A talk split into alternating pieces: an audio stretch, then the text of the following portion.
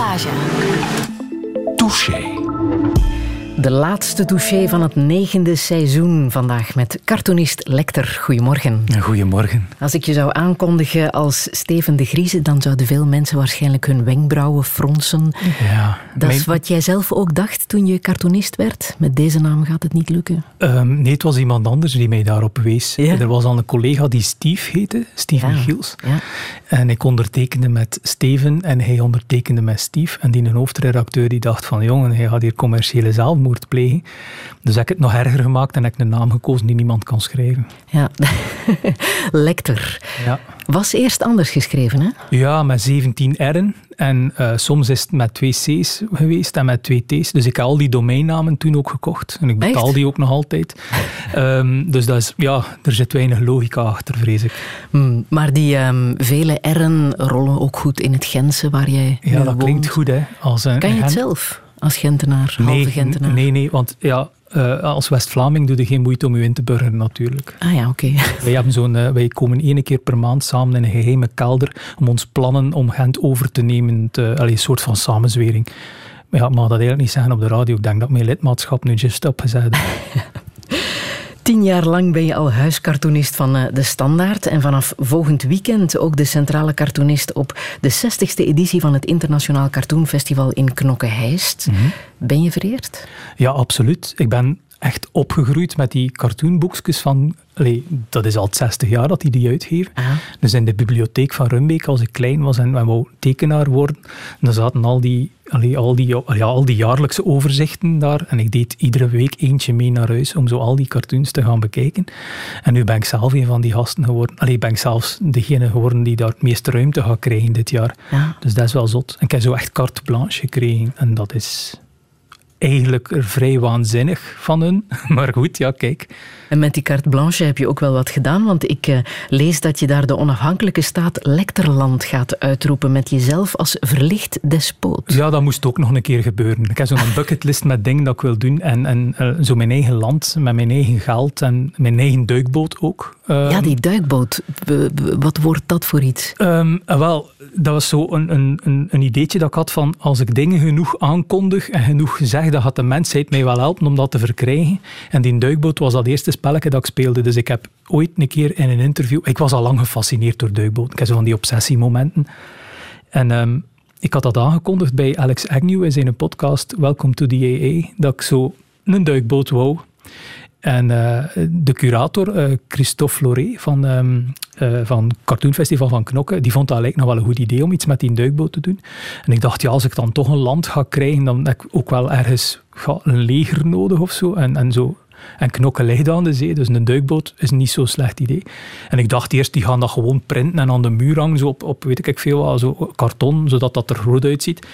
Maar naarmate dat dat vorderde, werd die duikboot alsmaar groter. Eerst was er zo sprake van een van 8 meter en uiteindelijk, eh, de plannen dat ik getekend heb, was dat 12 meter. En zoals dat hem nu gebouwd is, is hij 16 meter groot en anderhalve verdieping hoog ook. Ze kunt echt in die duikboot. Qua reclame kan het tellen. Als je mensen nu naar knokken wil eh, lokken. En wel ja, kom dan met een duikboot kijken. Dat klinkt ook heel vies als je dat op café zegt tegen een vrouw. Natuurlijk, kom dan met een duikboot kijken. Maar ik denk... Ja. wel. Maar goed, ja, kijk. ehm, ik heb hem zelf nog niet gezien. Alleen op foto. Dus ik ga deze week gaan kijken naar mijn eigen duikboot. Het is gelijk of, dat, of dan een normale mens naar een showroom gaat om een Porsche te gaan kiezen. Mag ik deze week een duikboot gaan bekijken? Ik ben blij dat wij veilig in deze studio zitten en dat ik hier het interview Ja, kan en- doen en dat niet, op jou, zit, ja. niet op jouw duikboot.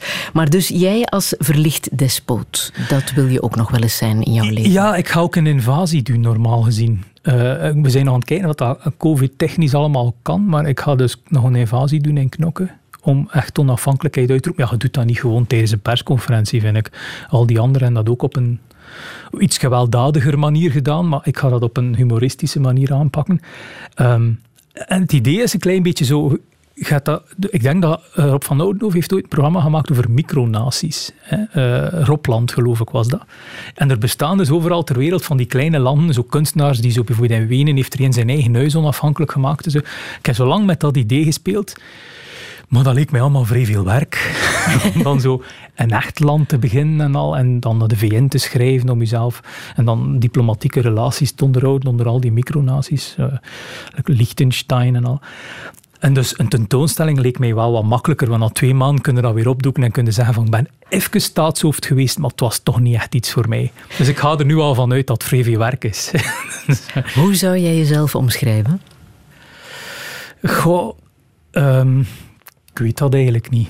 Ik denk, ik denk, ik denk dat ik nog altijd een achtjarige ben die uh, op de een of andere stomme manier in het lichaam van een 42-jarige terecht is gekomen en die dat iedereen nog moet ontdekken. En, en um, ik, ik, ik, vrees dat, goh, ik vrees dat ik anders niet functioneer. Allee, ik bedoel, ik heb het geluk dat ik cartoonist heb kunnen worden. Mm -hmm. Maar al die andere dingen, um, er zit, ja, er zit gewoon veel te veel fantasie in mij om...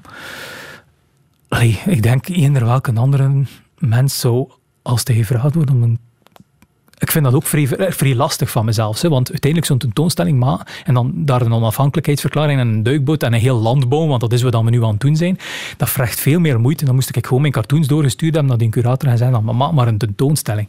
Dus het is eigenlijk wel vrij vermoeiend om zo altijd maar de, uh, om altijd maar zo van alles een grapje te willen maken. Mensen schatten dat eigenlijk wel verkeerd in hoeveel werk humor eigenlijk is.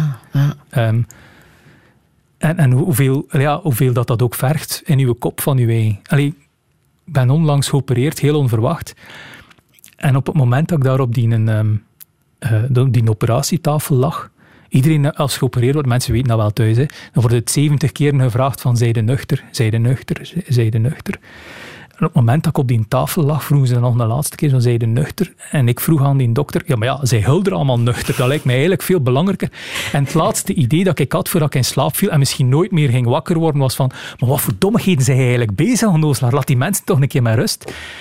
En eigenlijk heb ik dat constant, dat, dat mensen gaan doorhebben van, eigenlijk zijn je een onnozelaar en laat iedereen een keer met rust. Um, dan zal op mijn deur gaan komen kloppen en zeggen van, we hebben nu nu twintig jaar laten doen, het nu tien jaar in die gazet gestaan, we hebben nu door. Um, eigenlijk draagt er niet echt bij, laten we eerlijk zijn, het doet mensen lachen. En er zijn veel ernstiger dingen gaande in de wereld en we hebben iedereen nodig aan boord om eh, serieus te doen. Dus ja, dat is zo'n beetje het zelfbeeld dat ik heb. Mhm. Maar je geeft ook niet zo vaak interviews. Hè. Gaan we hier de mythe van Lecter ook een beetje ontkrachten? Ik weet het niet. Doe maar uw best, want ik weet zelf niet waarover dat gaat. Alleen, maar dat is zo het idee dat... Um, ik heb dat eigenlijk al redelijk vroeg door, dat mensen weten waar ze mee bezig zijn. De meeste mensen dat ontmoet... Ik denk, moest je spreken met, met Biden of Obama of met eender wie op eender welk hoog niveau, of astronauten of zoiets. Iedereen doet maar wat. Op het moment dat je dat door hebt, wordt het leven wel een stuk interessanter. Um, en vooral ook als kind had ik daar redelijk vrucht door van mijn ouders ook. Dat die ook maar iets deden. En dat is enorm bevrijdend. Dat alles hier zinloos en vrij kort is en dan allemaal maar wat doen. En dan raakte er ook allemaal veel makkelijker mee weg als ze een keer allez, de rest van je leven tekening wil maken en u ervoor wil laten betalen, bijvoorbeeld. Dat zijn zo van die hallucinante ideeën. Het komt er eigenlijk op neer dat je de rest moet overtuigen van een vrij idee. Like, bouw mij een duikboot. Ik heb dat zelf niet eens moeten doen, hè. Ik heb het niet eens moeten zelf voorstellen. Zij hebben daar met dat idee afgekomen. Ze, ze hebben mijn plannetjes uitgevoerd. En de volgende stap is dat ik nu nog van die veel hallucinantere ideeën wil de wereld in lanceren. Ik zou, met dat er nu veel mensen luisteren, misschien is er wel iemand die kan helpen. Hè. Ik zou de eerste cartoonist in de ruimte willen worden. Um, dat is een vrij haalbaar doel. Het feit dat al die miljardairs daar nu mee bezig zijn. Ah, ja. Ja. Maar het is ook vooral een vrij haalbaar doel, omdat geen enkele andere cartoonist is ermee bezig. Dus de eerste, allez, ik kan nog aan mijn tachtigste ga ik waarschijnlijk kunnen terugkijken en zien, want kijk, er is nog altijd niemand die het gedaan is. Het is nog altijd mogelijk. Dus... Lecter, welkom in Touché. Radio 1. 1. Friedel Lassage. Touché.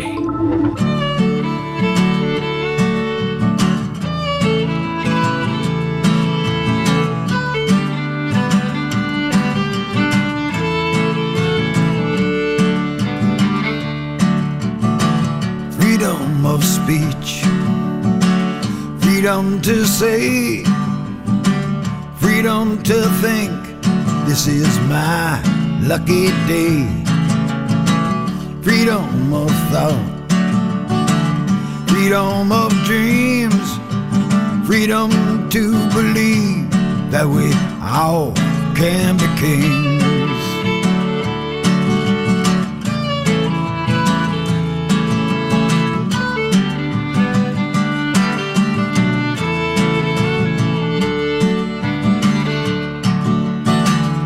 Freedom is yours. Freedom is mine. Freedom of speech so I can write down these lines. If you and I agree, hold out your hand to me. We will share our freedoms with our friends and family.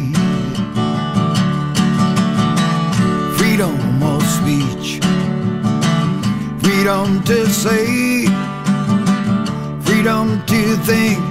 This is my lucky day. Freedom of thought freedom of dreams, freedom to believe that we all can be kings.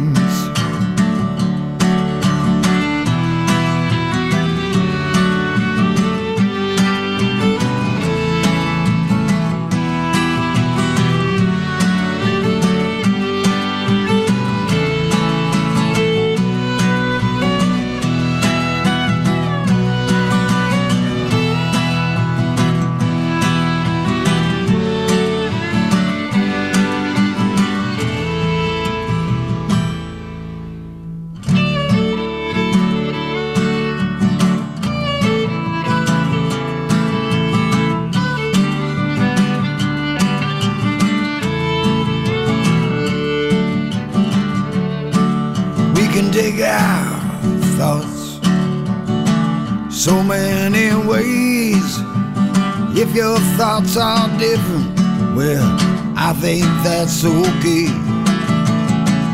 We should all try to keep the golden rule and cherish our freedom at home and in our schools. Freedom of speech, freedom to say freedom to think this is my lucky day.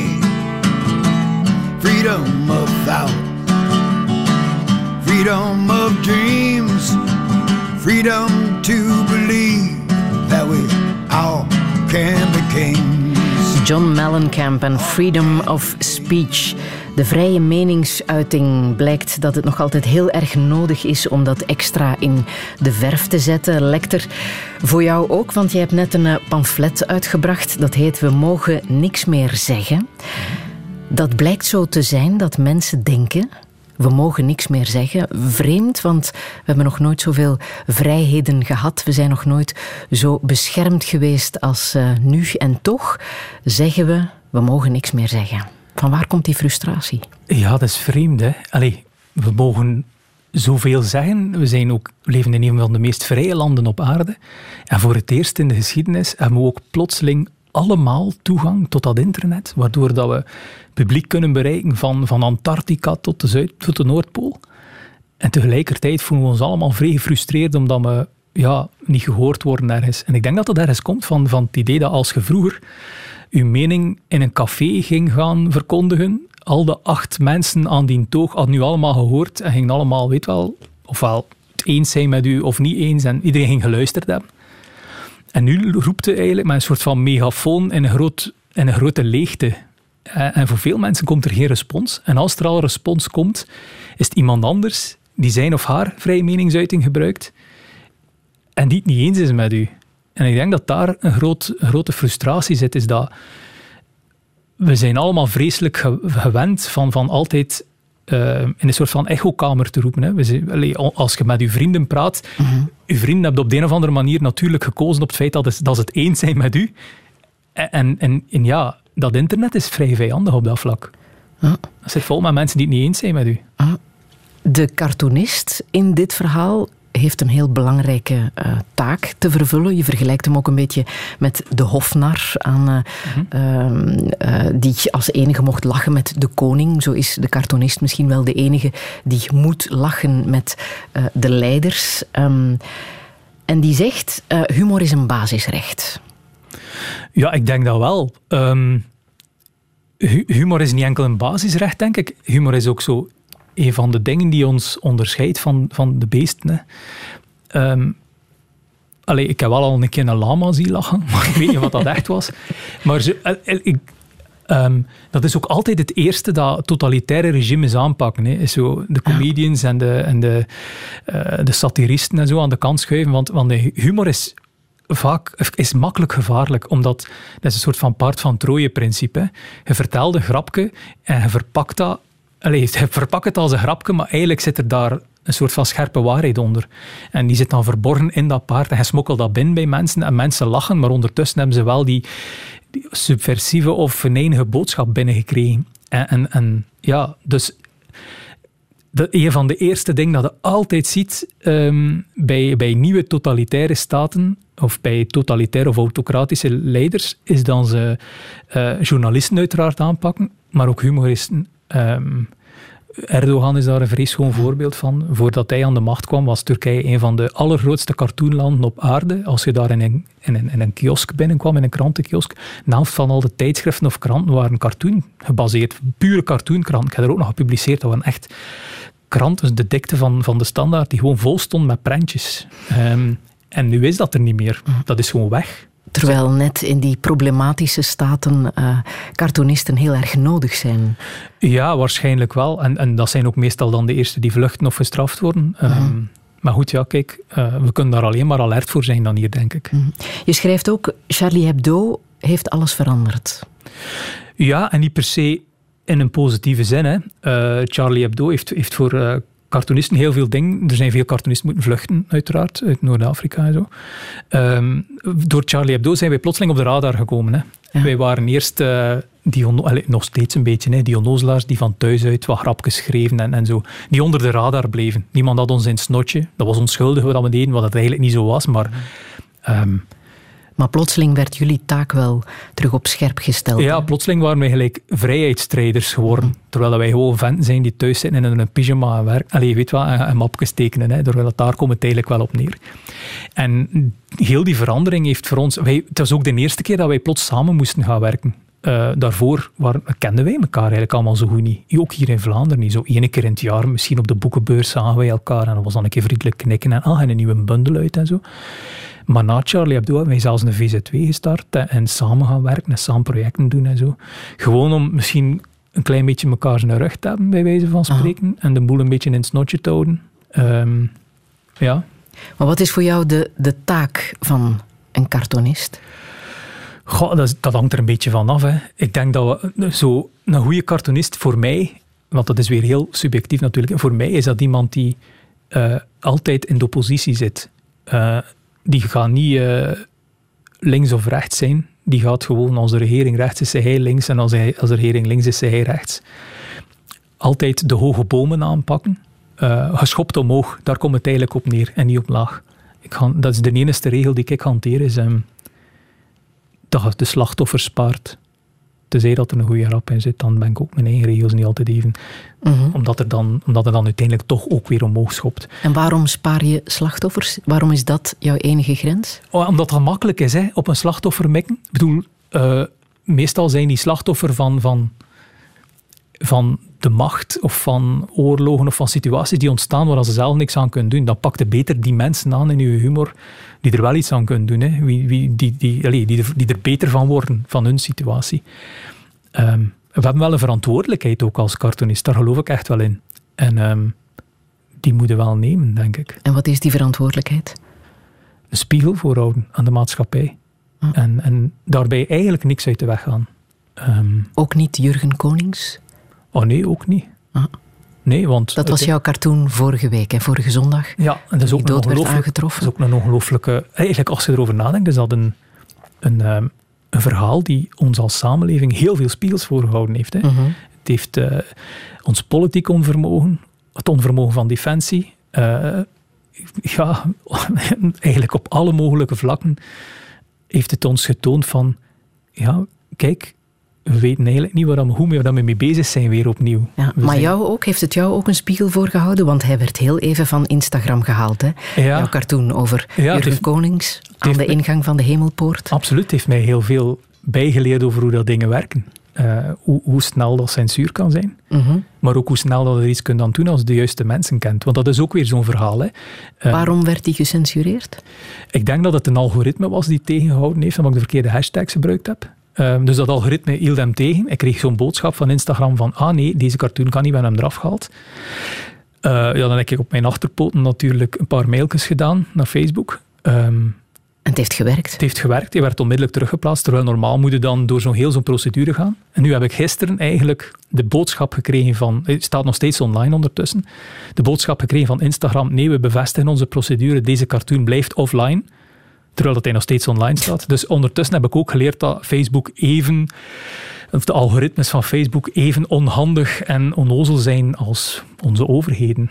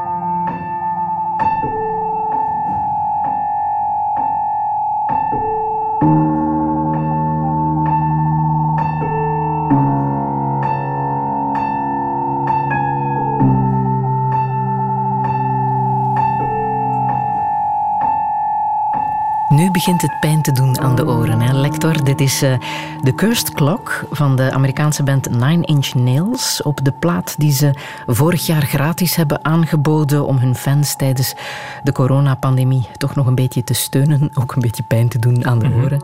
Hoe heb jij het uh, leren kennen, deze muziek? Um, ja, geen idee. Dat zijn zo van die dingen die op je weg komen, hè, muziek meestal. Um, Nine Inch Nails ken ik al heel lang. Denk, ja, mm. Dat is zo Harry die op mijn weg komt is als puber. En blijft, blijft dat dan volgen en die is gelijk mee geëvolueerd. Is dan soundtracks beginnen maken voor tv-series en voor films en zo van die zaken.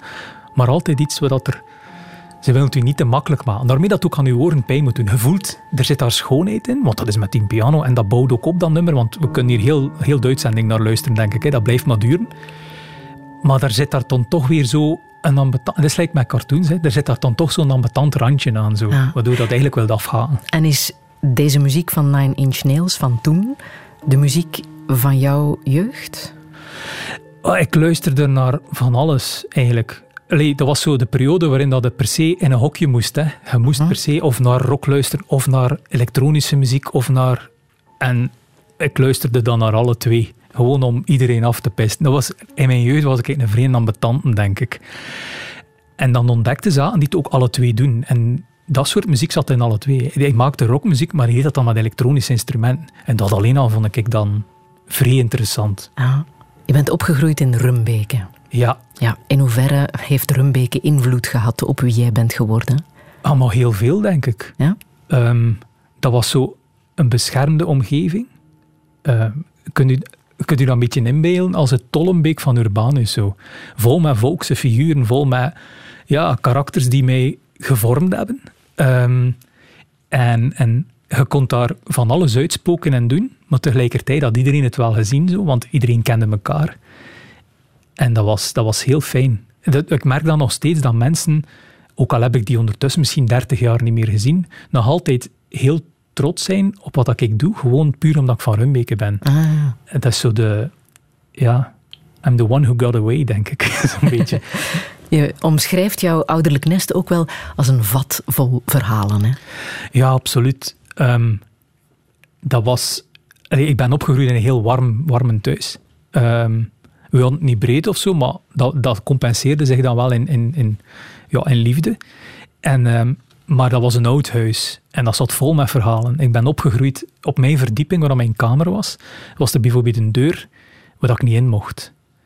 En ze zei, mijn ouders hebben mij ook nooit willen vertellen waarom dat ik daar niet in mocht. Dat was zo gelijk de, de, de kleerkast van Narnia. Um, ik heb honderdduizend keren geprobeerd daarin te gaan, maar dat was uiteraard op slot. En dan begint je fantasieslaat dan op hol. En er zitten daar verborgen werelden achter, een portaal naar andere dimensies. Ik weet niet wat ik allemaal gedacht had. En um, ja, uiteindelijk, dat was dan heel ontnuchterend. Een paar jaar geleden heb mijn ouders dat huis verkocht en, en ben ik te weten gekomen wat dat erachter zat. Ik kan ook niet vertellen wat, de mensen moeten oh. thuis nog een klein beetje fantasie over hebben. Ik nu net wel weten. Um, maar dat was dat heel erg ontnuchterend. En, en heel dat huis was zo.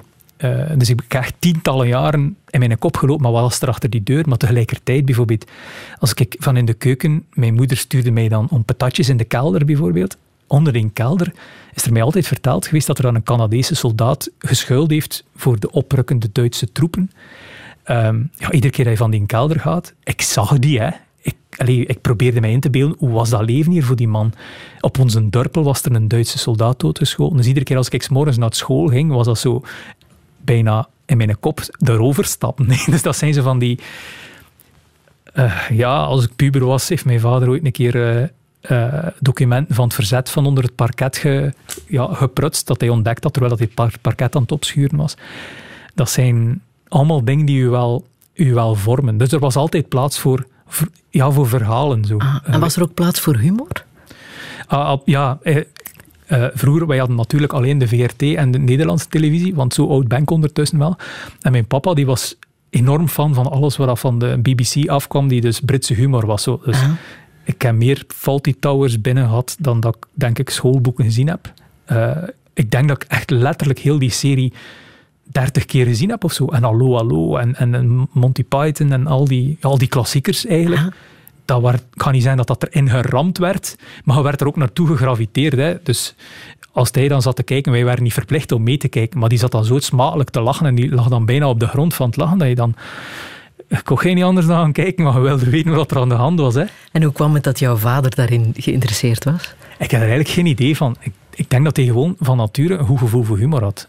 Of Moest hij op zoek naar humor? Ter compensatie voor zijn ja, waarschijnlijk doorsnee leven? Um, ja, dat, dat was de generatie die, die gewoon ingepeperd werd van je moet geld verdienen, denk ik. En dus mhm. die gingen gewoon gaan werken, of mijn vader ging gaan werken in een fabriek. Ik heb pas aan, aan, aan zijn prepensioen, aan zijn brugpensioen gezien wat voor uh, ja, vuil werk dat hij had in die fabriek. En ik ben daar toch een paar dagen niet goed van geweest. Ik, dat wist je niet? Nee, hij zei wel altijd van als ik op pensioen ga, dan gooi ik mijn... Uh, carnachaire, mijn boekentas, hè, eh, zijn, zijn, waar hij zijn eten en zijn boterham en zo is dat, dan hou ik hier door de tuin over de muur van de achterburen. Ik heb er altijd naar uitgekeken, heeft dat nooit gedaan. Dus moet je nog een keer met hem over babbelen, zou wel een keer willen zien. Um, en ik dacht dat dat zo ergens een grapje was, maar dat kwam wel van diep. Um, ik heb van mijn leven nog nooit één dag tegen mijn hoesting moeten werken. Maar ik kan me inbeelden, als je zo 40 jaar van je leven in zo'n vuil fabriek moest staan, uh, een job doen die allez, in zijn geval ver onder zijn capaciteiten zat, dat hij dat wel... Um, dat het dan wel ieder ander moment dat het daar niet mee moet bezig zijn, wel het leven zo aangenaam mogelijk moet maken. En dan is humor natuurlijk, ja, mhm. dan, dan krijg je de humor wel verkocht, denk ik. En wat wou wij graag voor zijn twee zonen? Um, dat is nooit echt uit. Ik denk dat wij, wij mochten echt ons hoesting doen. Wat dat eigenlijk wel vrij vreemd was. Um, want uh, ja, ik kom van Rumbeek. Hè. Allee, ik wil zeggen, doe maar niet te zot, zo ergens. Dus het idee dat ik aan, aan, mijn zestiende op een bepaald moment, ja, het ging niet meer in school. Ik deed alleen maar aan tekenen eigenlijk. Um, dus ik was echt in niks anders geïnteresseerd. Dan mocht ik naar het KSO in Brugge. Dat was op zich al redelijk revolutionair. Want, dat is een uh, kunsthumaniora. Ja, een kunsthumaniora. Niemand anders in het dorp had dat ooit gedaan. Er was zo geen referentiekader. Um, ja, die lieten mij gaan. Ik denk niet dat zij op voorhand die school gezien hebben. Die, die dachten van, als het hem daar gelukkig is en als dat... Die zagen ook wel dat tekenen het enige was dat mij interesseerde. Alleen en meisjes. Um, maar zo... En dan ook het hoger... Uh, het idee dat ik hoger onderwijs mocht doen. Ik was denk ik de eerste in de familie die dat ook kon. Was al redelijk revolutionair. Ik denk dat zij misschien in hun achterhoofd ook wel zo hadden van misschien wordt hij notaris of... Uh, weet wel, iets... En toen werd hij cartoonist. Ja, ik denk dat ze nog aan het bekomen zijn.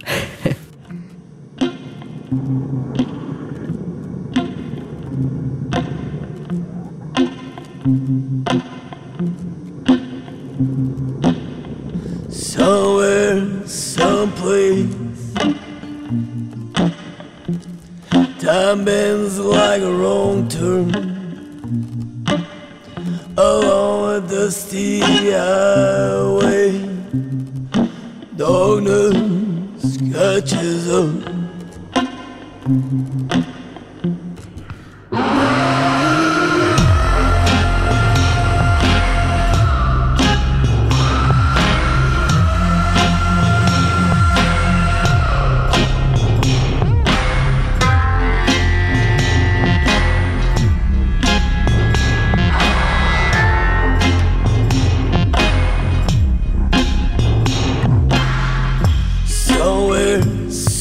place.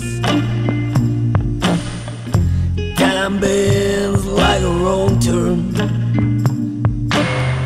along a dusty highway. Darkness catches up.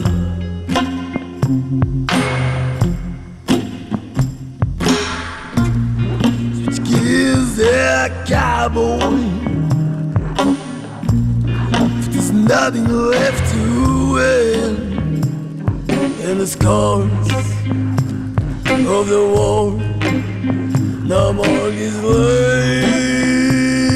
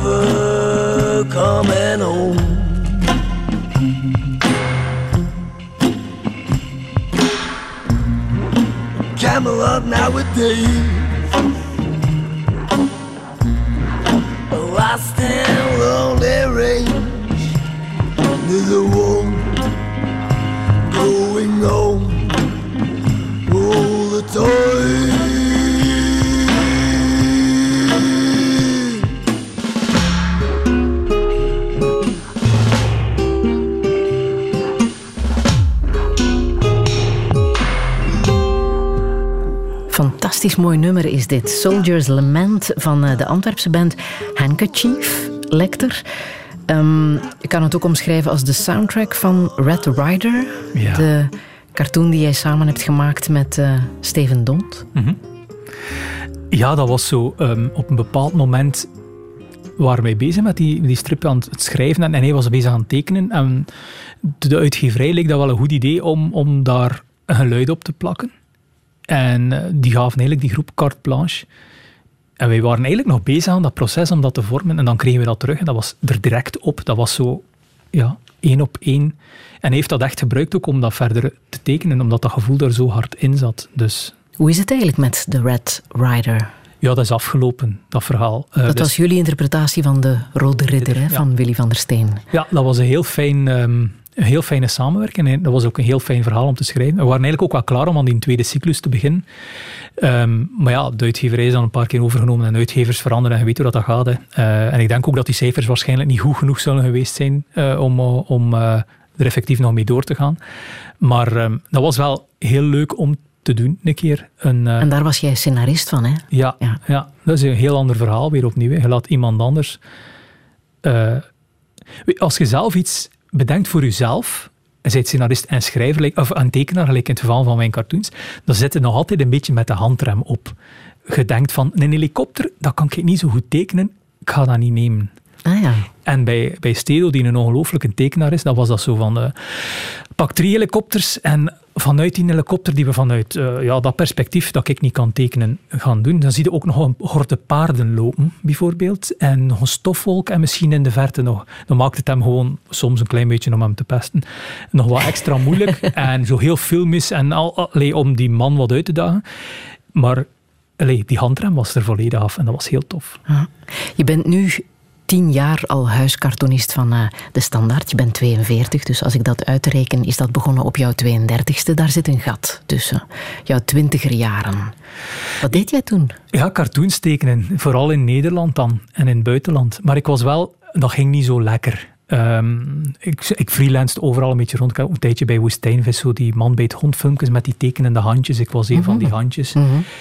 um, dus ik deed van alles overal een beetje rond. En ik was echt al van plan om de boeken neer te leggen. Uh, ik was, Daar viel niet van te leven? Goh, ja, zo kantje boord, maar ik werd dan zo rond de dertig beginde te twijfelen. Zo, wat is dat, quarterlife crisis of zoiets? En dan begint te denken, van, moet ik hier de rest van mijn leven zo geen nagel hebben om aan mijn hat te krabben? Ga ik eens kijken wat ik zo nog allemaal kan doen? En toen we de week we eigenlijk beslisten om, om te stoppen, belde de standaard. Dus het is allemaal toeval eigenlijk. ja, maar nu al tien jaar lang en uh, daar zal een reden voor zijn dat je daar je vaste stek hebt uh, verworven. Ah ja, ze vinden niemand anders waarschijnlijk. maar kan je uitleggen waaraan een goede cartoon voor jou moet voldoen? Ah ja, nee. Um, nee, want ik heb eigenlijk nog altijd geen flauw benul waar ik mee bezig ben. Voor mij is dat nog elke dag opnieuw uh, blinde paniek en zoeken. Weet je, moest je aan een beenhouwer vragen van hoe maakt je chipolata? En ik kan u dat niet zeggen, dan loopt de, uh, schreeuwend die slagerij uit en komt er dan nooit meer terug. Maar ik kan dat dus niet. Ik heb dus nog geen definitie van. Anders zou het misschien ook wel wat makkelijk worden, moest ik zo kant en klaar iets hebben. Dus er zijn wel methodes waarmee dat ik het zo'n klein beetje op een moeilijke Maar bijvoorbeeld voor morgen, jouw cartoon voor morgen. Ah ja, nee. Dat weet je nog totaal niet? Ah nee, ja. Nee, nee, nee, nee. Het is ook nog veel te vroeg. Nieuws gaat nog 20.000 keer veranderen. Ah. Hadden we dat in spookrijden allemaal gaat uitsteken. um, dus dat zijn van maar er is bijvoorbeeld een, een match die vanavond wordt gespeeld die niet onbelangrijk ja, is. Een voetbalmatch. Ja, ja. ja.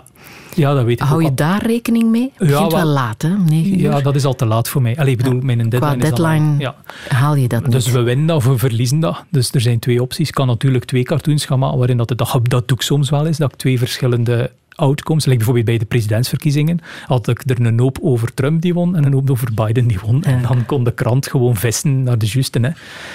Maar um, ja, in dit geval, meestal is dat gewoon zo een hele dag ideetjes ergens op, gelijk kakken naar een muur gooien en zien we wat er plakt. En dan op tegen rond een deadline kies ik de dingen uit waarvan dat ik merk van dat gaat misschien wel werken. Maar hoe dat, waarom dat die werken, weet ik nog altijd niet.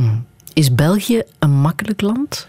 Al de andere cartoonisten op aarde zijn jaloers op ons. Is het waar? Maar ja, als ik in het buitenland ben... Ik heb zo ooit een keer aan een Amerikaanse cartoonist moeten uitleggen hoeveel gemeentes dat Brussel eigenlijk... Hoeveel burgemeesters dat Brussel heeft. En hij keek naar mij en hij zei... Weet wel, hij zijn nu met mijn voeten aan het spelen. Hij zit ermee aan het lachen. En dan begon ik over de politiezones er nog bij. En, en hoeveel parlementen dat wij hebben. En ja, hij zag de jaloezie in die man zijn ogen.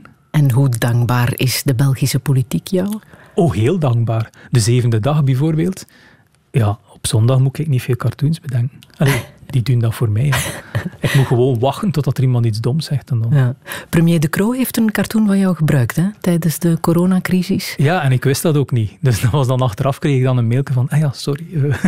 maar dat was... Ja, dat Auteursrechten. Oh ja, nee, maar daar, daarvan niet. Nee, nee, daar heb ik, ik kan me nog niet mee bezighouden. Maar zo. Dat was die van de derde golf in de kerstvakantie Ja, ja. en de derde golf bij Maar dat de is zo- kerstboom. Dat bewijst hoe weinig dat ik weet over cartoons. Die cartoon stond in mijn schetsboek en ik heb die eigenlijk een beetje uit, uit armoe getekend, omdat ik dacht dat die niet werkte.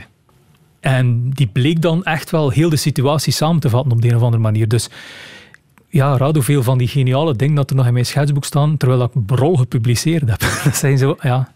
Nu, op dat moment was die cartoon heel dankbaar, maar ik kan me ook voorstellen dat er politici niet altijd zo happy zijn met jouw eh, cartoons. Ja, dan is dat zo. Wij zijn ook niet altijd even happy met hun natuurlijk. Hebben ze jou ooit het zwijgen opgelegd? Dat is wel eens geprobeerd, ja. ja?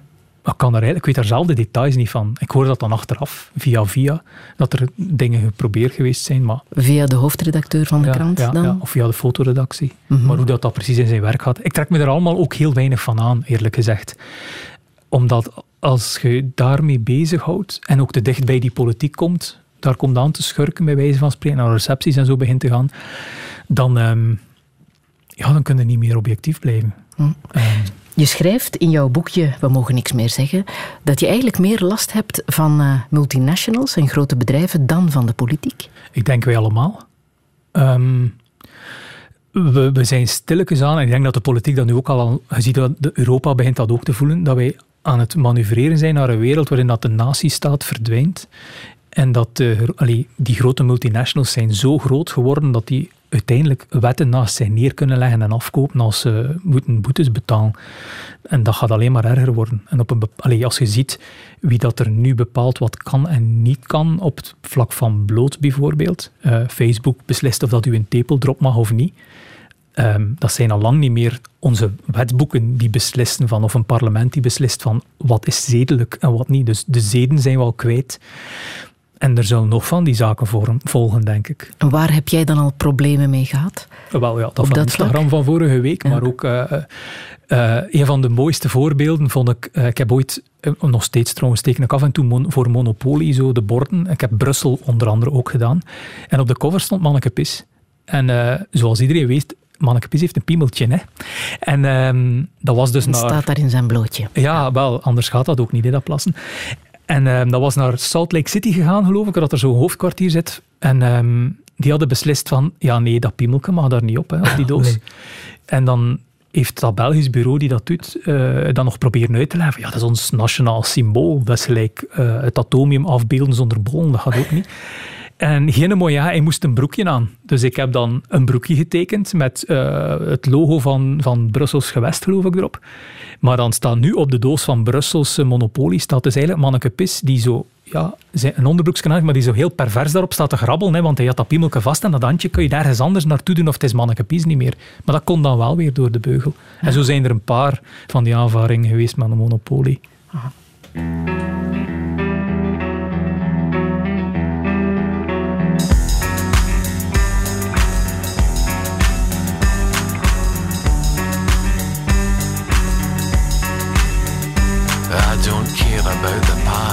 About our glory days gone by.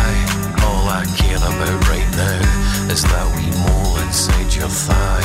And my confidence might crumble, but my brio is unbroken. Let me loosen all your knots, let our bodies be awoken. It's been another seven years, it's showing round the eyes. Another seven years entombed in lethargy and lies. But let's dig out our old clothes and prepare for celebration. I am the son of sleep. All I need's an invitation.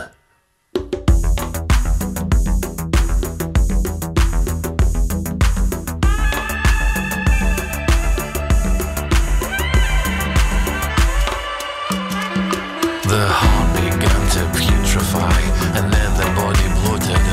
As our hair and teeth fell out, we did our best to be devoted. But let's squeeze the maggots from our flesh like tiny poison pustules. Abandon all decorum, us down to our essentials. We're all just carbon, water, starlight, oxygen, and dreams. And the sun, the moon, the earth, the neighbours long to hear our screams. So if Bacchus is our friend to love, then take this cup of kindness. Just one sip, one chug, one kiss can cure us of our blindness. Hear my wanton whispers, my loud intemperate plea. We've been down among the dead men, you're coming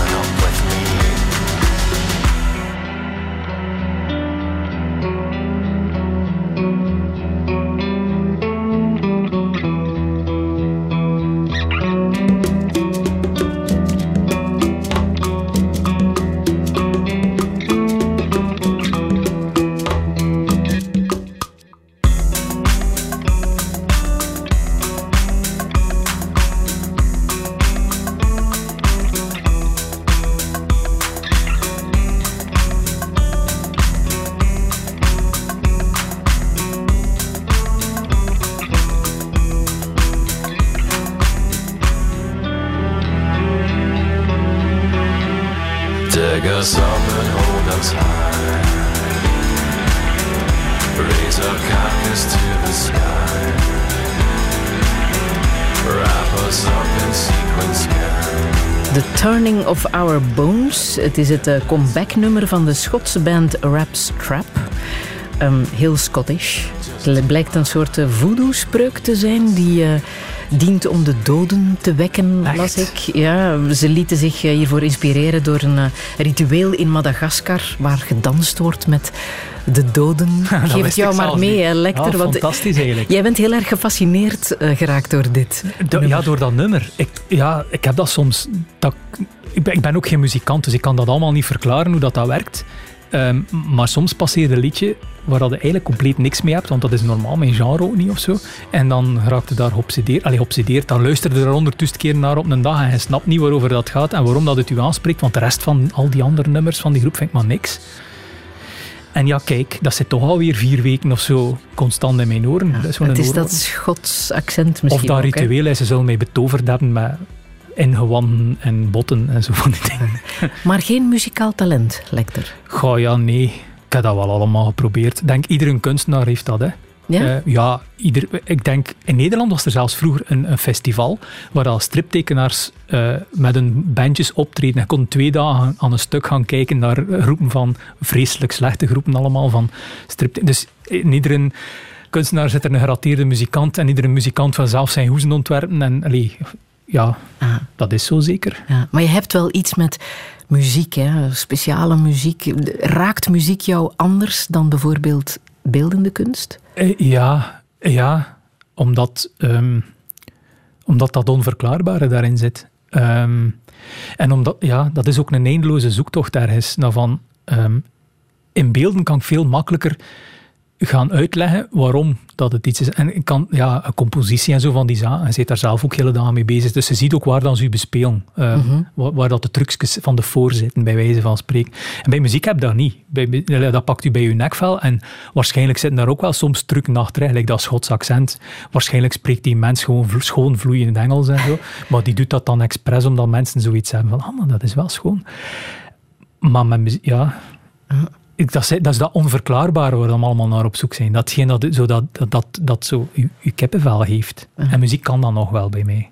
Je, je, gaat heel graag kijken naar de kruisdraging van Hieronymus Bosch in uh, het MSK in Gent. Mhm.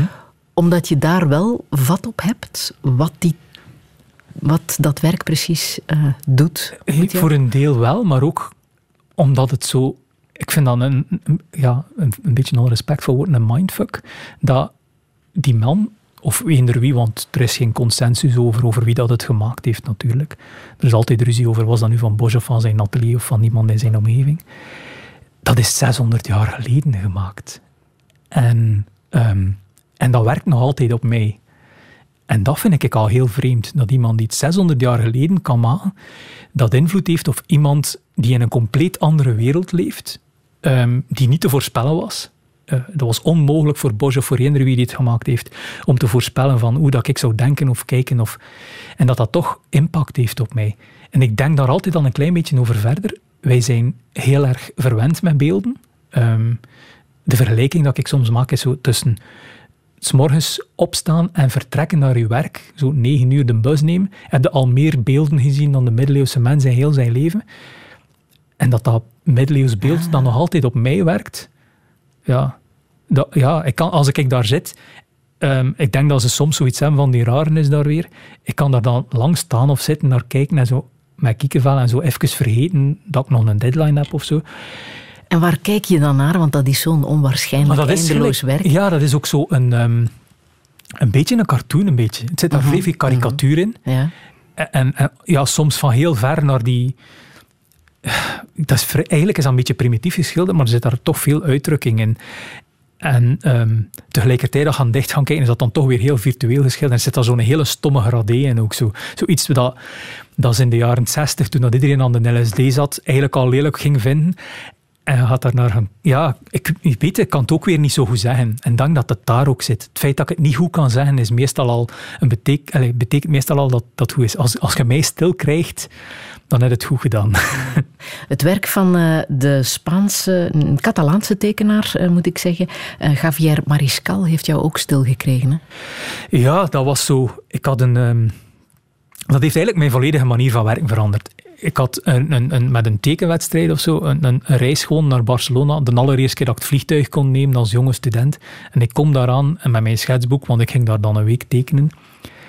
En plotseling zijn al die kleuren daar. Zo heel simpele vormen, heel veel kleuren. En ik ben naar huis gegaan. Ik ben daartoe gekomen als zwart-wit tekenaar en naar huis gegaan met, als kleurtekenaar. En tot op vandaag ook zie ik dat als een soort van uh, summum van de simpelheid. Uh, heel uw leven leerde af wat dat de... Um, aan complexiteit opgedaan hebt tijdens je leven, om, om zo, zoveel mogelijk uit te puren naar kleur en naar vorm toe, als tekenaar. En ja, ik ben daar nog lang niet, maar Marisal is wel heel lang een soort van leidraad geweest in mijn... Mm. Ja. Mocht reizen meer Wes Anderson zijn en minder Minority Report, zou ik constant op de baan zijn. Dat is een, uh, een uitspraak van jou. Ja. kan je dat uitleggen?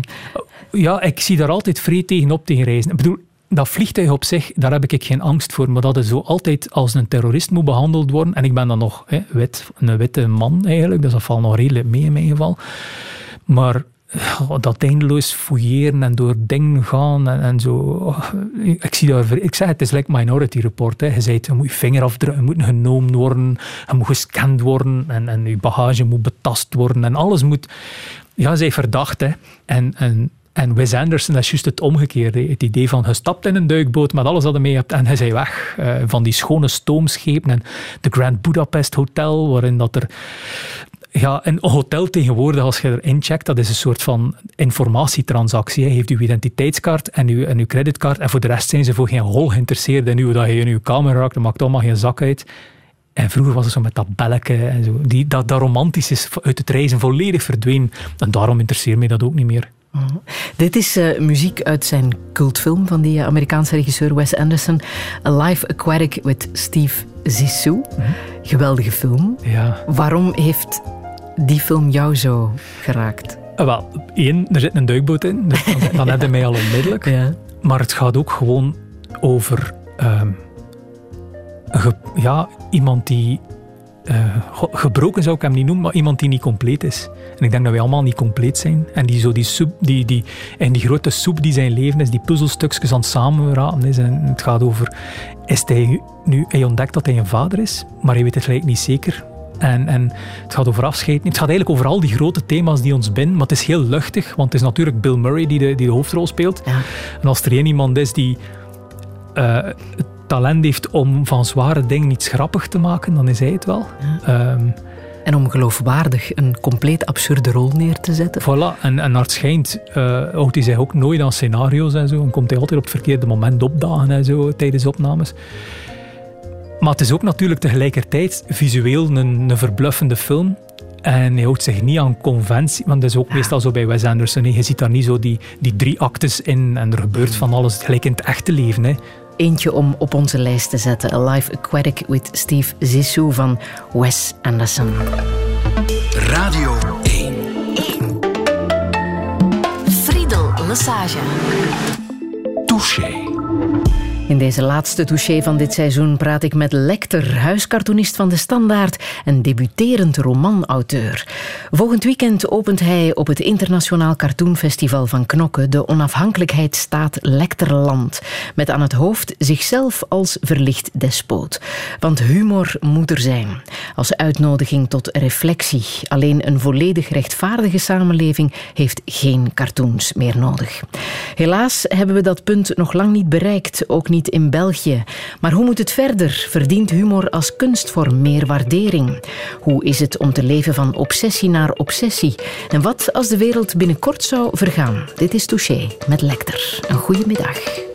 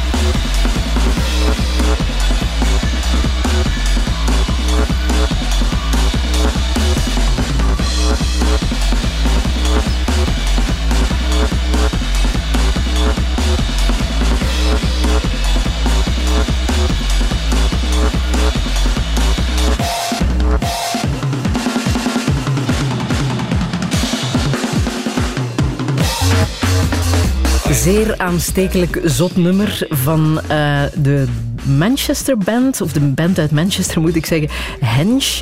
The Militarize heet het nummer. Het zou de Zeeper Mix zijn.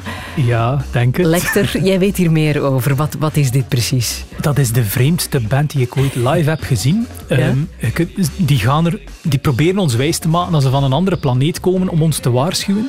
Maar die doen dat op een heel vrolijke manier. Dus als die optreden, die treden op als aliens met, met zo Tesla-bollen op een kop en met omgebouwde synthesizer. En na van tijd staan ze meer in het publiek dan op het podium. En, en dit is eigenlijk een omroep om al het geld dat we uitgeven aan, aan wapens gewoon uit te geven aan het bouwen van, van raketten om mee naar de ruimte te gaan kan me daar wel in vinden eigenlijk. Zit er iets in het water in Manchester, denk je? Ja, ik denk het wel. En geen PFOS.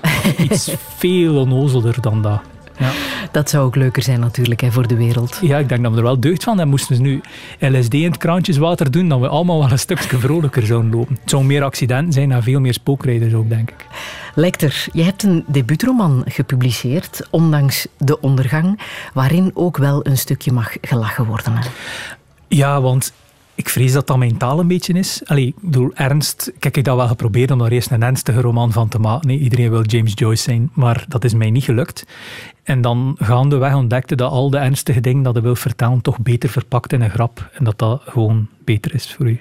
Het gaat over een schrijver, Sol Invictus, die op een mooie lentedag verneemt dat er een eh, enorme ijsklomp op de wereld afstevend en dat we met z'n allen nog twee weken uh, hebben voor het definitief afgelopen is met de, de mensheid. Corona is niks, het kan nog altijd erger. Was het dat wat jij dacht? Ja, dat was eigenlijk al lang voor corona dat ik daarmee bezig was. Maar zo het idee dat we moesten, dat, we kunnen, dat je zoiets op je plateau krijgt en dat je dan nog veertien dagen hebt hoe gaan wij dat... Allee, je kunt dat wel hebben, zo bijvoorbeeld moest je kanker krijgen of zo, dan heb je dat eigenlijk ook zo'n aftelklokje in je hoofd. Wat wil ik nog met mijn leven? Voilà, maar dan eigenlijk voor heel de samenleving. Wat als we dat allemaal zouden hebben, wat zou er dan gebeuren? En dat was eigenlijk het uitgangspunt waarmee dat ik begonnen ben. Dat heb ik helemaal uitgeschreven en dat was dan niet, eigenlijk niet zo heel erg interessant.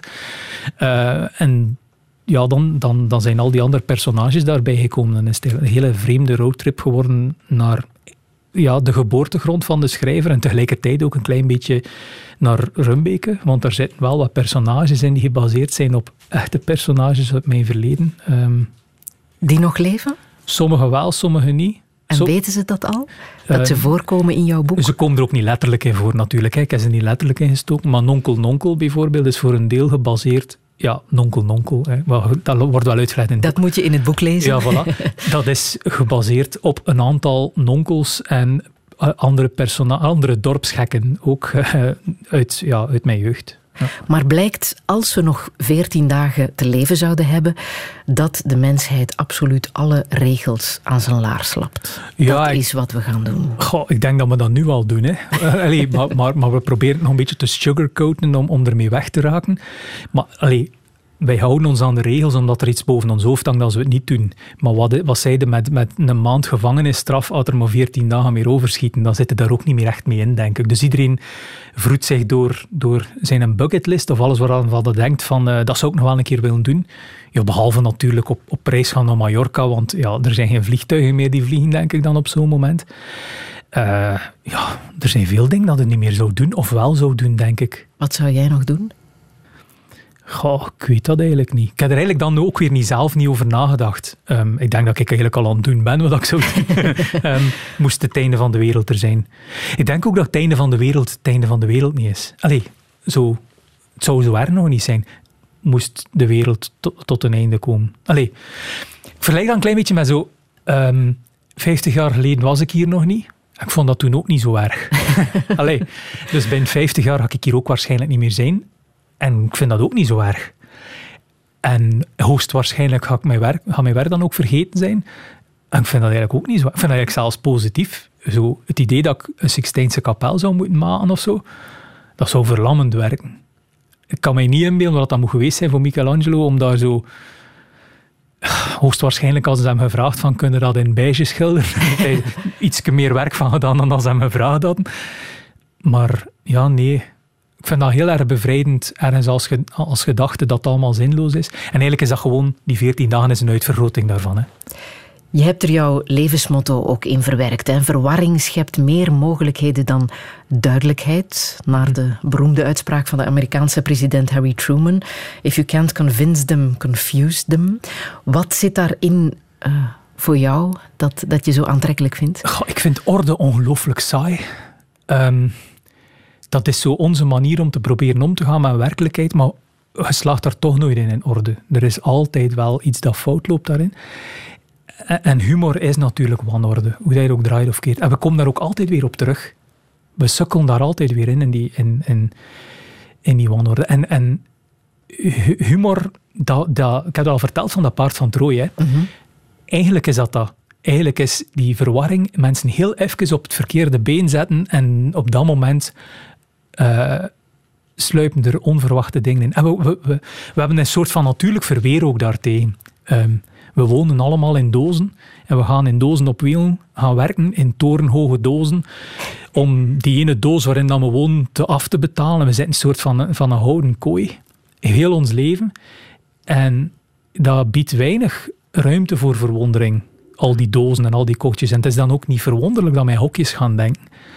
En om daaruit te breken heb je echt die verwarring nodig. En dat komt in verschillende stadia. Hè. Um, dat komt door, door pech te hebben. Hè plotseling uw vinger ontsteekt en dat wordt MRSI en, en voordat je het weet is uw hand eraf. En ja, bon, dat is chaos. Zo, zo, dat is hè, verwarring. Maar je kunt dat ook heel bewust gaan doen. Hè. Ik heb heel lang bij mensen thuis, als ik er kwam en ze gingen even naar de wc, kadertjes omgewisseld.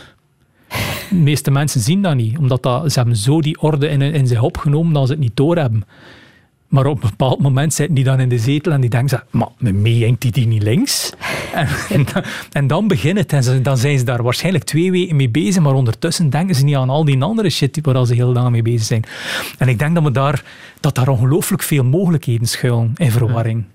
De verklaring van uh, verwarring wordt ook omschreven in die uh, Illuminatus Trilogy van uh, Robert Anton Wilson en Robert Sheech, een van jouw favoriete boeken. -huh. Wat, wat vind je daar zo fascinerend aan, aan die trilogie? Wel, heel veel van, van de samenzweringen waar wij nu aan vastzitten, zo'n beetje waar we als samenleving mee worstelen, zijn eigenlijk bedacht door die twee jongens. Ja? Die hebben zo in de jaren zestig, um, waren die, zeker Robert Anton Wilson, dus ondertussen een filosoof geworden nadien, dat was zo een van de, die werkte toen bij Playboy als uh, brieveneditor. Dat bestond toen nog. Mensen konden brieven schrijven naar de Playboy. Want ja, iedereen las dan natuurlijk voor de artikels. Uiteraard.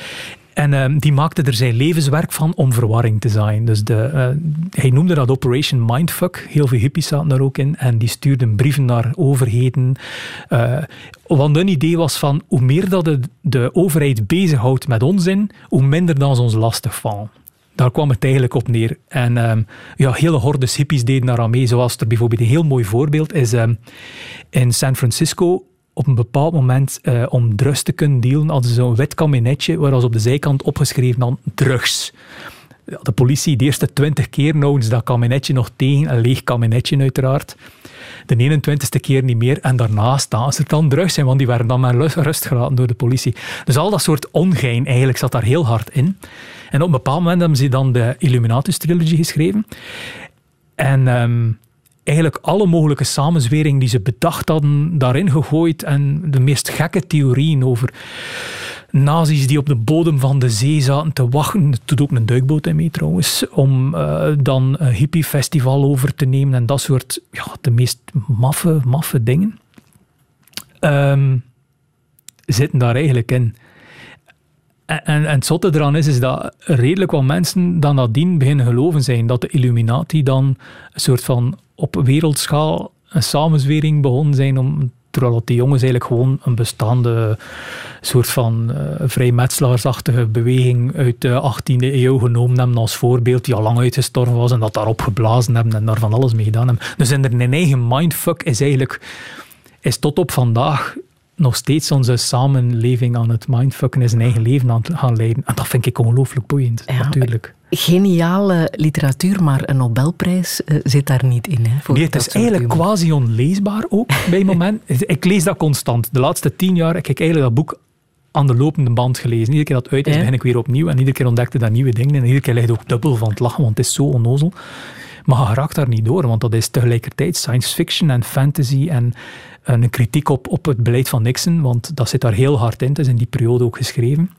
Um, eigenlijk is er, ja, je kunt daar geen. Als je een, een boek zoekt waar je op het einde wijzer van geworden bent, dan voordat je eraan begon, ja, dan moet je dat boek niet nemen. Het is eigenlijk een boek dat u echt verward. Dat is echt een boek dat je moet lezen om, als je op vakantie bent, om op het einde van de vakantie zo paranoïde als een kikker naar huis te gaan. Maar ja, kijk. Wordt humor als kunstvorm onderschat? Gelukkig wel, ja. Gelukkig wel. Ja, want het moment dat de, dat de humor gaat, um, gaat au serieus nemen, dan, dan marcheert dat ook niet meer. Uh dus daarom ook denk ik dat in een roman, uh, die eigenlijk humoristisch is van nature, um, omdat ik hem geschreven heb natuurlijk, dat die niet al serieus gaat genomen worden. En die gaat ook nooit, gelukkig nooit, geen prijzen worden winnen. En die gaat ook nooit in de ernstige boekhandel aangeprezen worden of zo. Want ja, het is om te lachen. Hè. En iets dat om te lachen is, dat kan geen waarheid in zich dragen. Dat, dat, voor, dat soort gevoel is er nog altijd. Gelukkig maar, denk ik. Want ondertussen smokkelt het overal ergens binnen. Het is dat paard van Troje, altijd opnieuw. Mm. Het meest geniale is natuurlijk als je heel ernstige dingen kan vertellen met een humoristische toon. Je hebt uh, het boek meegebracht van Kurt Vonnegut, ja. um, Slaughterhouse 5. Ik zeg het nu heel ernstig, want als je weet waarover het gaat, over het bombardement op Dresden in 1945, dat hij zelf meemaakte als Amerikaans krijgsgevangene, zou je denken, dat wordt een zwaar boek. Hij heeft dat ook geprobeerd om daar eerst, ik denk de eerste twintig jaar van zijn schrijverschap, om daar een zwaar boek over te maken, omdat dat natuurlijk zo traumatisch is. Aha. En dan heeft hij er een science fiction verhaal over gemaakt, met tijdreizen en met, met, met ja, dat eigenlijk bol, korte, korte hoofdstukjes die bol staan van de humor. En dan werkt dat. Ja. Maar echt vrolijke humor is het ook niet altijd natuurlijk. Hè. Ja, maar dat is ook een misvatting dat humor moet grappig zijn of vrolijk. Hè. Humor kan gerust uh, heel pijnlijk en cynisch en, en, die zinloosheid van bestaan zit er bij hem heel hard in. Hè. Kan je er een zin uit ja, voorlezen? Ja, dat ga ik een keer doen. Ze. Ja. Het is een vertaling, dus dat iedereen mee is. Hè. Ook mensen die geen Engels kunnen. Um, maar dus ik raad zeker aan om, om ook de Engelse versie een keer op te pikken.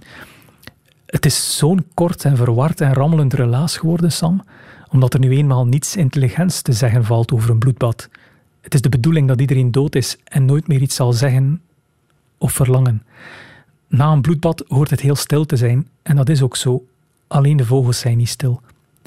En wat zeggen de vogels? Het enige wat er te zeggen valt over een bloedbad. Iets als. Ja. Het is vooral die gedachten daar nog aan vasthangen. Ja, zo dat laatste, zo van...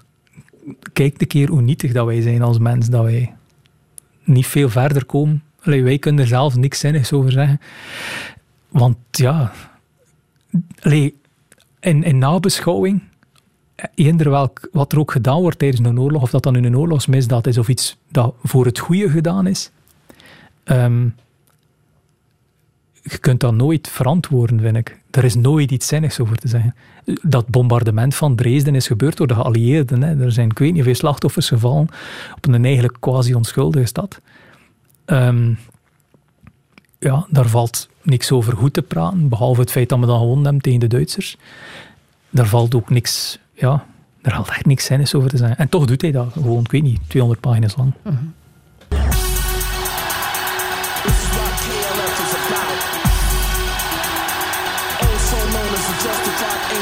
mundo.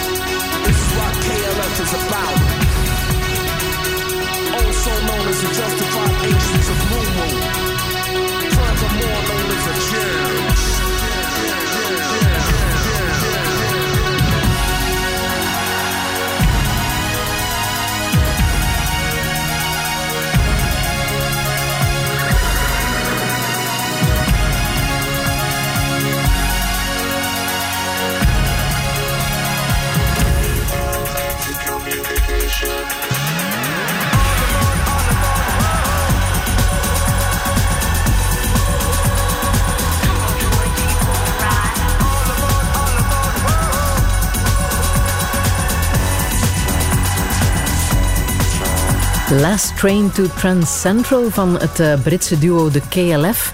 Misschien zelfs een beetje een wonder dat we dit draaien, Lecter. Ja, dat is zot dat, dat, je dat nog liggen hebt. Waarschijnlijk had ergens in de kelder moeten op zoek gaan naar een fysieke kopie of zoiets.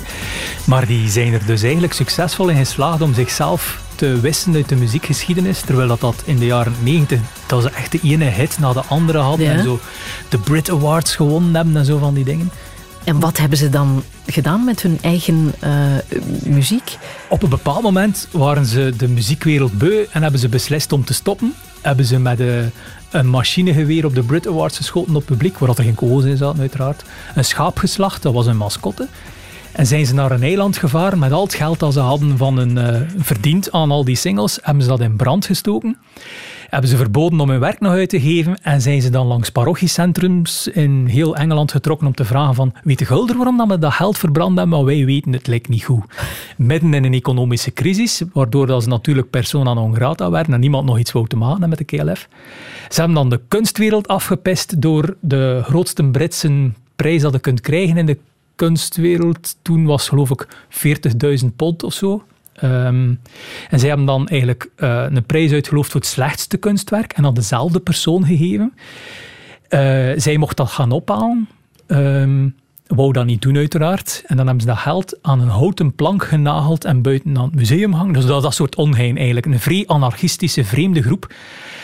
Maar het gevolg is dat ze dan een moratorium geschreven hebben dat hun merk niet meer mocht uitgegeven worden. Ze hebben dat op een auto geschreven en van een klif afgeduwd. En dan mocht er 23 jaar geen muziek meer van hen gepubliceerd worden.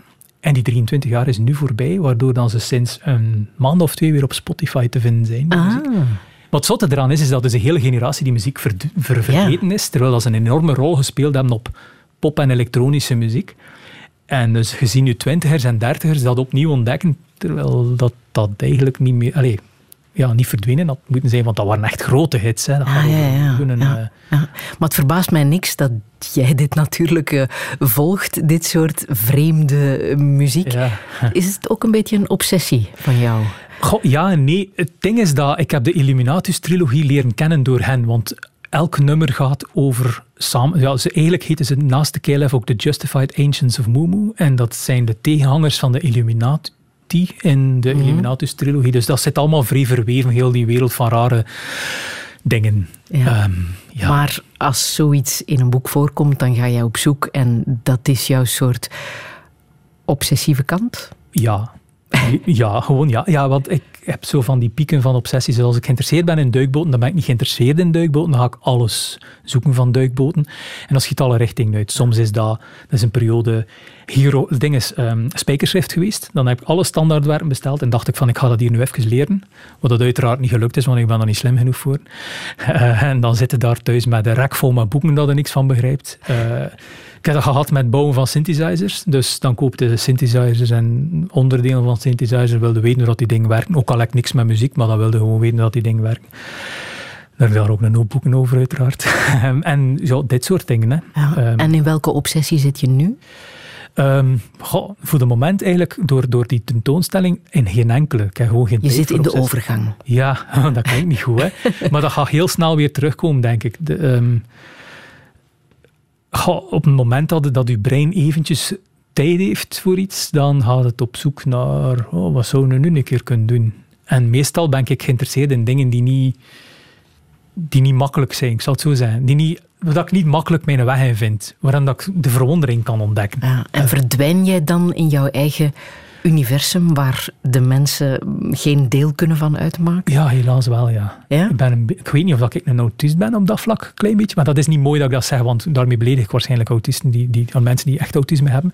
Maar dat zijn zo die trekjes dat ik mij dan volledig terugtrek in mijn wereld. En vrienden ga... Goh, ja ik vergeet dan dat die bestaan ergens. Maar dat is niet waar, ik vergeet dat niet. Maar dan denk ik dat de tijd minder snel gaat dan dat hij echt gaat. En dan plotseling worden ergens wakker van een telefoon van iemand die je al vier maanden niet gehoord of gezien heeft.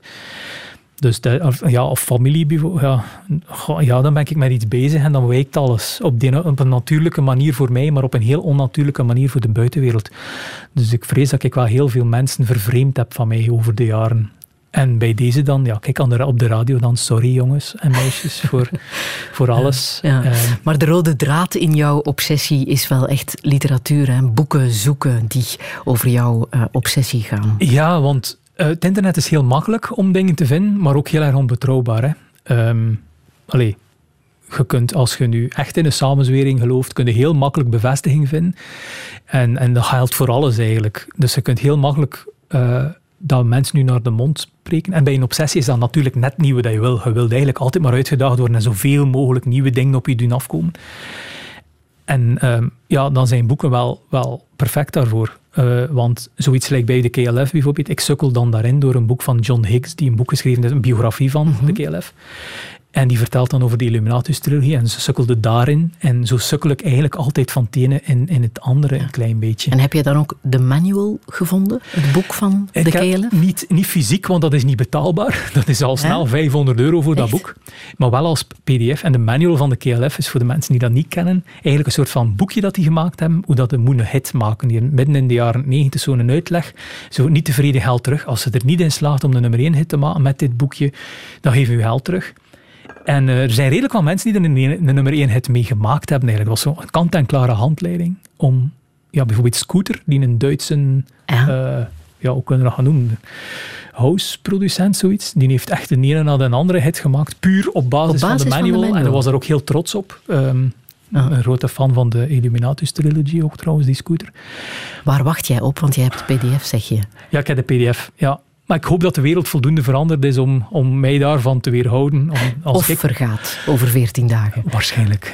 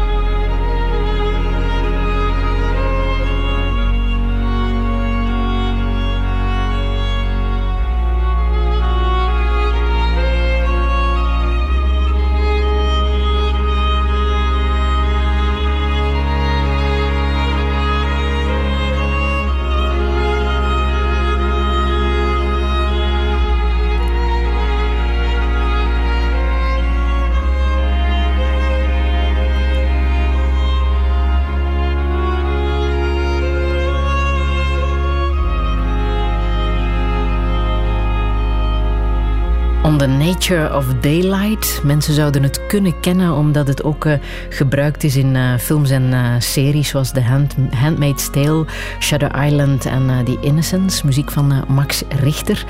Lecter, waarom raakt dit jou? Ja, dat is zo weer een van die gevallen dat ik niet weet eigenlijk. Allee, tegelijkertijd is dat een vrij triest nummer. Zoiets voor op een begrafenis bijna. Maar als dat viooltje, of ik weet niet welk instrument dat is, zover ben ik wel met muziek. Ik heb geen flow idee welk instrument dat, dat zijn. Als dat erbij komt, dat is eigenlijk vrij upbeat, vind ik. Allee, de meeste mensen zullen zeggen van wat, maar als je naar die melodie luistert en je zou dat moeten versneld afspelen, dan is dat gelijk bijna zo de March of the Clowns. Zo.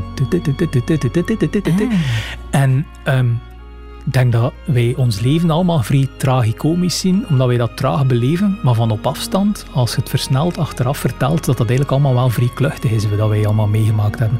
Dus dat nummer heeft dat vrij diep in zich. Waarin geloof je? In zo weinig mogelijk, vrees ik. ja, ik heb mezelf als... Um, ik heb mezelf gekroond tot paus van het discordianisme omdat dat de enige manier is om discordianist te worden. En dat zijn mensen die weer geloven in Eris, de godin van de chaos. Allee, ik geloof daar niet echt in natuurlijk. Hè. maar die bestaan echt, hè? Ja, ja, dat is een grap vermomd als religie of een religie vermomd als grap. Zo omschrijven die zich. En dat is zo, ook weer iets uit de jaren 60 van toen dat... Ik denk dat ze toen veel te veel drugs gebruikten of zo. En dat er zo heel vreemde ideeën ontstonden. En ik vind dat een heel aanlokkelijk beeld, omdat je moet niet. Bij geloof heb je dat heel hard. Hè. Ehm, dat zit, er zit daar een soort van tegenstrijdigheid in. Je gelooft in iets, maar je zei het wel zeker. En zover ben ik niet. Ik ben over veel te weinig dingen zeker. Dat ik, ah. niet, ik ben niet klaar om in zaken te geloven. Ehm, en dat is misschien maar goed ook. En ook niet in het leven? Goh ja, wel een beetje, maar ik ben er nu toch mee bezig eigenlijk. um, uh, goh, ik vind dat een hele moeilijke, omdat ik dat de ene dag wat beter weet dan de rest. Zo. Maar ik ben vooral, het enige waar ik eigenlijk echt vrij zeker van ben, is dat een boel zinloos is. En dat ik dat, dat, ik dat eigenlijk maar best vind ook. Mhm. Maar slaag jij erin om het leven als één grote grap te zien? Oh ja, ja, absoluut. Ja, ik, ik heb het al gezegd, het is zo kort en zo onnozel en zo... Wij zijn zo kosmisch klein. Ehm, de originele ondertitel van Ondanks de Ondergang was een kosmische komedie. We hebben dat dan maar laten varen. Om, ja, het idee dat wij hier zonder reden gedropt worden, een tijdje mogen zijn en daarna weer eraf moeten, vind ik eigenlijk al zo grappig dat dat eigenlijk niet anders kan dan, dat, dan, dat, dan we dat invullen op een onnozele manier. Op liefst zo onnozel mogelijk. In um, jouw boek refereer je heel veel naar uh, darmflora en stoelgang.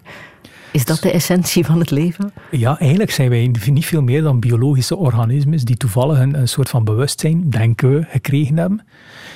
Ehm, maar als uw stoelgang stilvalt, dan staat het daar wel natuurlijk. Hè. Als, als, als, die een hele basis, uh, als de basis stopt, is het voor iedereen gedaan. En dat vind ik eigenlijk al wel een vrij storende gedachte.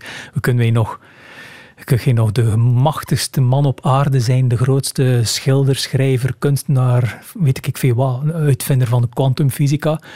Als je op een plots moment uh, die onnozel kleine bacteriën in je darmen besluiten om ermee op te houden, dan is het voor u ook gedaan. Wil jij antwoorden op de grote levensvragen? Nee, eigenlijk niet, nee. Ik vind de vragen veel interessanter. Want een antwoord is meestal een punt waar dat stopt met denken. Meestal is het dan een conclusie zo. Dan is het gedaan. En, toch willen we overal wel antwoorden op, hè? Ja, maar meestal is dat toch ook niet echt genoeg, een antwoord. Als iemand mij vertelt van zo zit het, dan denk ik meestal van, ja, maar wacht, ik, ik was die kleine in de klas die altijd ambetante vragen stelde vaak. Die dan, de goede leerkrachten ging dan daar wel op door, maar na een tijdje waren sommigen dat ook wel snel beu. Dus um, ja, maar waarom? Ik heb heel vaak in de wiskundeles buiten gestaan, omdat, er zo de, omdat ik dan de vraag stelde van een axioma of een stelling. Maar waarom? Weet wel? Of hoe werkt dat nu echt? Wat is de... Hé? Gewoon om een vraag te stellen. Niet dat ik dat echt wil weten, of maar zo, je wilt dan wel weten waarom weet die mens dat, waarom weet ik dat niet, bijvoorbeeld. Wil je weten of er iets is na de dood? Goh, ja, als er iets is, zal ik het wel meemaken, waarschijnlijk. Hé. Maar, maar ik, weet, ja, ik ben dat ook natuurlijk niet zeker, maar het zou mij gelijk wel verbazen zo, dat wij zo speciaal zijn dat er voor ons nog iets extra is. Dat er toch nog iets is. Dat er zo nog verlengingen zijn. Ik, ik, ja, ik denk dat we hier gewoon toevallig... dat is weer een geloof natuurlijk. Hè. Misschien denk ik er morgen anders over na. Maar ik hoop ergens van, ook van niet. Het zal wel goed genoeg geweest zijn. Zeker. En ook het idee dat als het dit is, dan doe je hier, hier nu wel je best. Als er nog meer is, wat je niet goed weet wat dat is, hierna, dan kunnen nog altijd hopen van, als ik nu misschien juist wel een klootzakje ben, maar wel voldoende klootzak om toch binnen te mogen, dan raak ik er nog mee weg. Dan moet ik nu niet mijn best doen. Goh ja, ik weet het niet. Hoe dicht ben jij al bij de dood geweest? Ehm, ik zou normaal zeggen niet al te dicht. Maar zo een paar weken geleden was het dan toch bijna prijs. Dus uh, is het fout gelopen met mijn gal, die er dan uit moest. Ineens? Ineens, ja. Ik had geen flow idee dat, dat ik dat had zelfs, eigenlijk gezegd. Want ik weet, ken mijn binnenkant van mijn lichaam ook zo goed niet natuurlijk. Dus die moest er dan plots uit. Heel acuut. Um, maar dat zat ook, het, zat, het zat echt genoeg steen in om de gemiddelde Vlaamse noprit mee met, uh, aan te leggen. Dus dat was uh, wel redelijk fout eigenlijk. Um, en weet je hoe je daaraan geraakt bent? God, nee, ja. ja ik, ik, heb ook geen medische opleiding of zo. Um, nee, nee. Dus ik ga ook niet zeggen dat ik toen bijna dood was, hè, maar het was wel het dichtste dat ik er al geweest Het is ook de eerste keer dat ik in een ziekenhuis geweest ben voor mezelf. En hoe was dat? Um, ik vond het wel fascinerend eigenlijk. Zo de eerste, ja, je hebt geen flauw idee wat er aan gaande is. Hè. Ik was ook nog nooit in een operatiezaal geweest of zo, dus dat was wel boeiend. En voor de eerste keer wakker worden uit narcose en die rare dromen en al. Ik vond het op zich wel boeiend. Hm. Maar ik ga het niet opnieuw doen of zo. Hij had ook maar één gal, dus kun je er geen twee keer uit halen. En, en het leuke eraan is, is dat de chaos zorgde dan ook weer ervoor dat ik, op het moment dat ik wakker werd, dezelfde dag werd ik opgebeld of dat ik een interview wou doen over het werk van Gal, mijn collega. dus kijk. Die trouwens al 60 jaar bezig is. Ongelooflijk, hè? Ja. Is dat iets wat jij ook op jouw palmares zou willen zetten? Ja, waarom niet? Maar we zullen wel zien waar ik met 60 jaar mee bezig ben. Mm als het maar iets is waar ik mij amuseer, denk ik.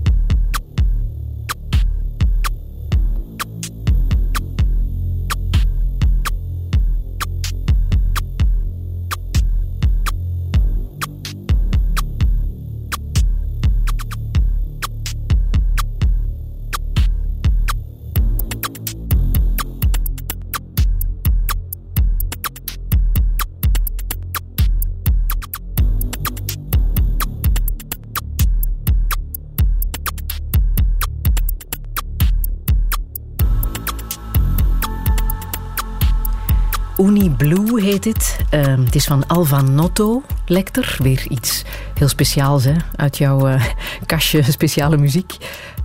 Ja, ik kan er weer niks zinnigs over zeggen. behalve dat die mens wat soundtracks en zo van die dingen gemaakt heeft. Als ik mij dat goed herinner. Mhm. Ehm, maar ja, als, als mij dat aanspreekt, dan ga ik ook niet op zoek van wie was dat of zo. En dan, Wanneer zet je dit op? Ehm, ik luister eigenlijk vooral naar muziek als ik aan het wandelen, al mij aan het verplaatsen ben. Om mijn hoofd een beetje bezig te houden met andere dingen, want anders, nee, je kunt niet constant grapjes bedenken, dat is ook niet gezond.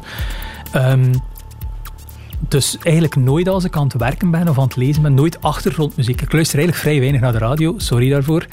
Maar dat gaat gewoon niet. Als ik naar de radio luister, luister ik naar de radio en doe ik niks anders. En bij mhm. muziek is dat juist hetzelfde. Ofwel luister ik naar muziek, ofwel doe ik iets anders. En deel jij je muzieksmaak met jouw kinderen? Uh, ja, nee, dat denk ik nu wel niet. Nee. Die luisteren zo naar van die um, toondove autotune hip-hop van Drake en zo van die dingen waarvan dat ik denk van, ik ken niks van muziek, maar hou er ook niet zo jongens, het is genetisch. Uh, nee, echt. Uh. Wat voor vader ben jij? Goh, ik denk, um, ik denk sowieso dat dat vrij ongewoon moest zijn om mijn kinderen hebben bijvoorbeeld in de kleuterklas lang gedacht dat ik... Uh, ja, ik liep, ik liep gewoon thuis rond. Hè.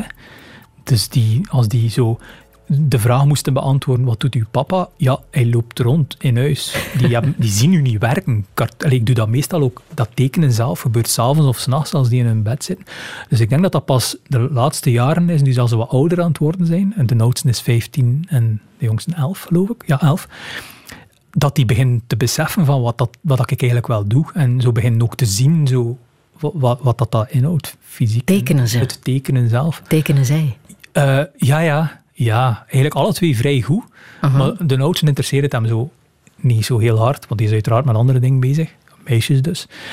En, uh, en vrienden en zo. Um, maar ze hebben alle twee wel ergens aanleg. Allee, aanleg is een groot woord, want talent, ik geloof daar niet echt in ze zien gewoon dat je daar constant mee kunt bezig zijn. En dus die grijpen er ook sneller naartoe natuurlijk. En ah. alle tools zijn ook in huis of zo om dat te doen. Um, ik vergelijk dat een beetje met, met talen. Hè. Als je thuis opgroeit in een tweetalig gezin, dan is het logisch dat je Frans ook makkelijker oppikt. En tekenen is ook gewoon een taal. Dus als je dat altijd maar ziet, uh, like in Egypte was het letterlijk een taal. Hè. Als je altijd maar hieroglyphen zag en, en, en huis, dan, een tijdje pikte dat ook wel op. En bij hun is dat denk ik ook iets dat ze vroeg of laat, of is het nu of later, gaat dat in hun leven denk ik automatisch een rol spelen. En is het niet zo, dan is het voor mij ook goed.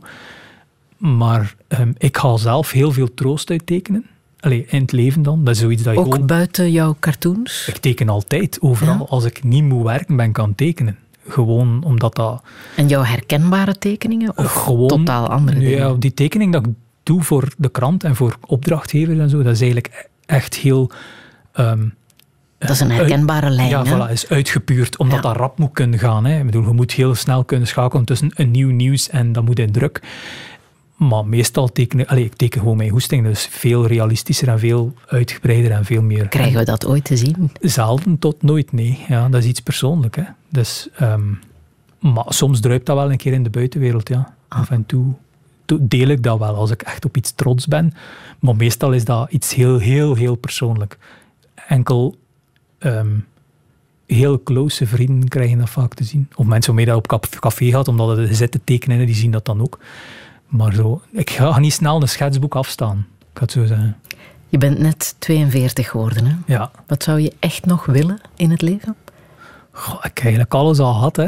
Allee, ik, bedoel, ik ga niet zeggen dat ik nu op mijn hoogtepunt ben of zo, maar ik ben heel verwend. Hè. Ik mag hele dagen doen wat ik zin in heb. Dus ik heb eigenlijk vrij weinig klachten of wensen. Uh, enfin, nog naar de maan als cartoonist. Ah, wel, ja, dat... is wel een belangrijke. We moeten daar dringend een keer over praten. Um, Zijn er de voorbije twee uren uh, mecenassen die zich hebben aangediend? Ik heb mijn gsm nog niet aangelegd. maar uh, het is even wel close geweest, want ik was in de running met die Japanse miljardair daar. Echt? Ja, ja, uiteraard. Ik heb dat geprobeerd. Hè. Ik heb er niks meer van gehoord. Ik heb wel een paar rondes meegedraaid. Maar het, het is alleen om maar te duiden dat het echt wel een plan is hè, om dit te doen. Ik ga het is niet voor te lachen. Nee, nee, ik ga naar de ruimte. Hoe dan het ook draaien of keert. Ja. ja. Welke boodschap wil jij hier nog meegeven? Goh, ik ben denk ik de laatste mens om, de men, uh, om, om, iemand, om hier wijsheid te gaan, gaan verkondigen. Terwijl je dat elke dag doet? Goh, ja, um, ik, weet, ik, weet, ik denk dat, dat het belangrijk is dat we weten van elkaar dat we allemaal maar aan, aan het aanmodderen zijn. We're all winging it.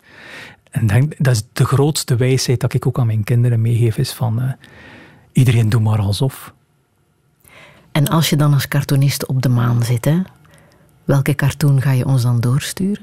Ah, dat zal ervan afhangen. Ik denk dat dat de moeilijkste deadline ooit gaat zijn. Je staat dan daar in de, ja, als eerste cartoonist op de maan. Ik bedoel, dat is lijkt de eerste volleyballer op de maan. Hè. Dat betekent niks, maar tegelijkertijd alles. Dat gaat wel... Uh, ik denk dat dat de, de, grootste druk gaat zijn ooit. Tenzij dat misschien daarna de eerste cartoonist op Mars wil worden, natuurlijk. Je hebt nog een uh, prachtig nummer om dit negende seizoen van uh, Touché mee af te sluiten. Him of Freedom, wat we allemaal zo ontzettend graag willen. Van het trio rond de Canadese jazzmuzikant Oscar Peterson. Mhm. Waarom wil je dit laten horen? Ja, het is een nummer dat iets doet. Hè. Ehm, ik weet ook niet meer van waar dat ik het gehaald heb. Maar op de een of andere manier wel. En snakken naar die vrijheid. Ook wel, die we allemaal sowieso hebben. Ja.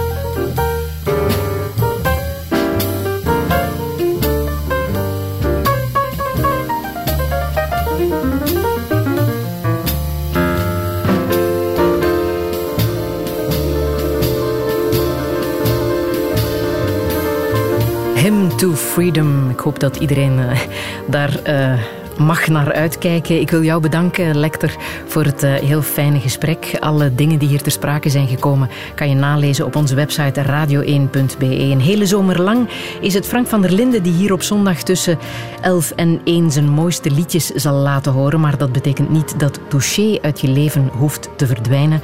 Meer dan 700 uur gesprek kan je inhalen via de podcast of het archief van Touché. Een heel fijne zomer. Graag tot september. Radio 1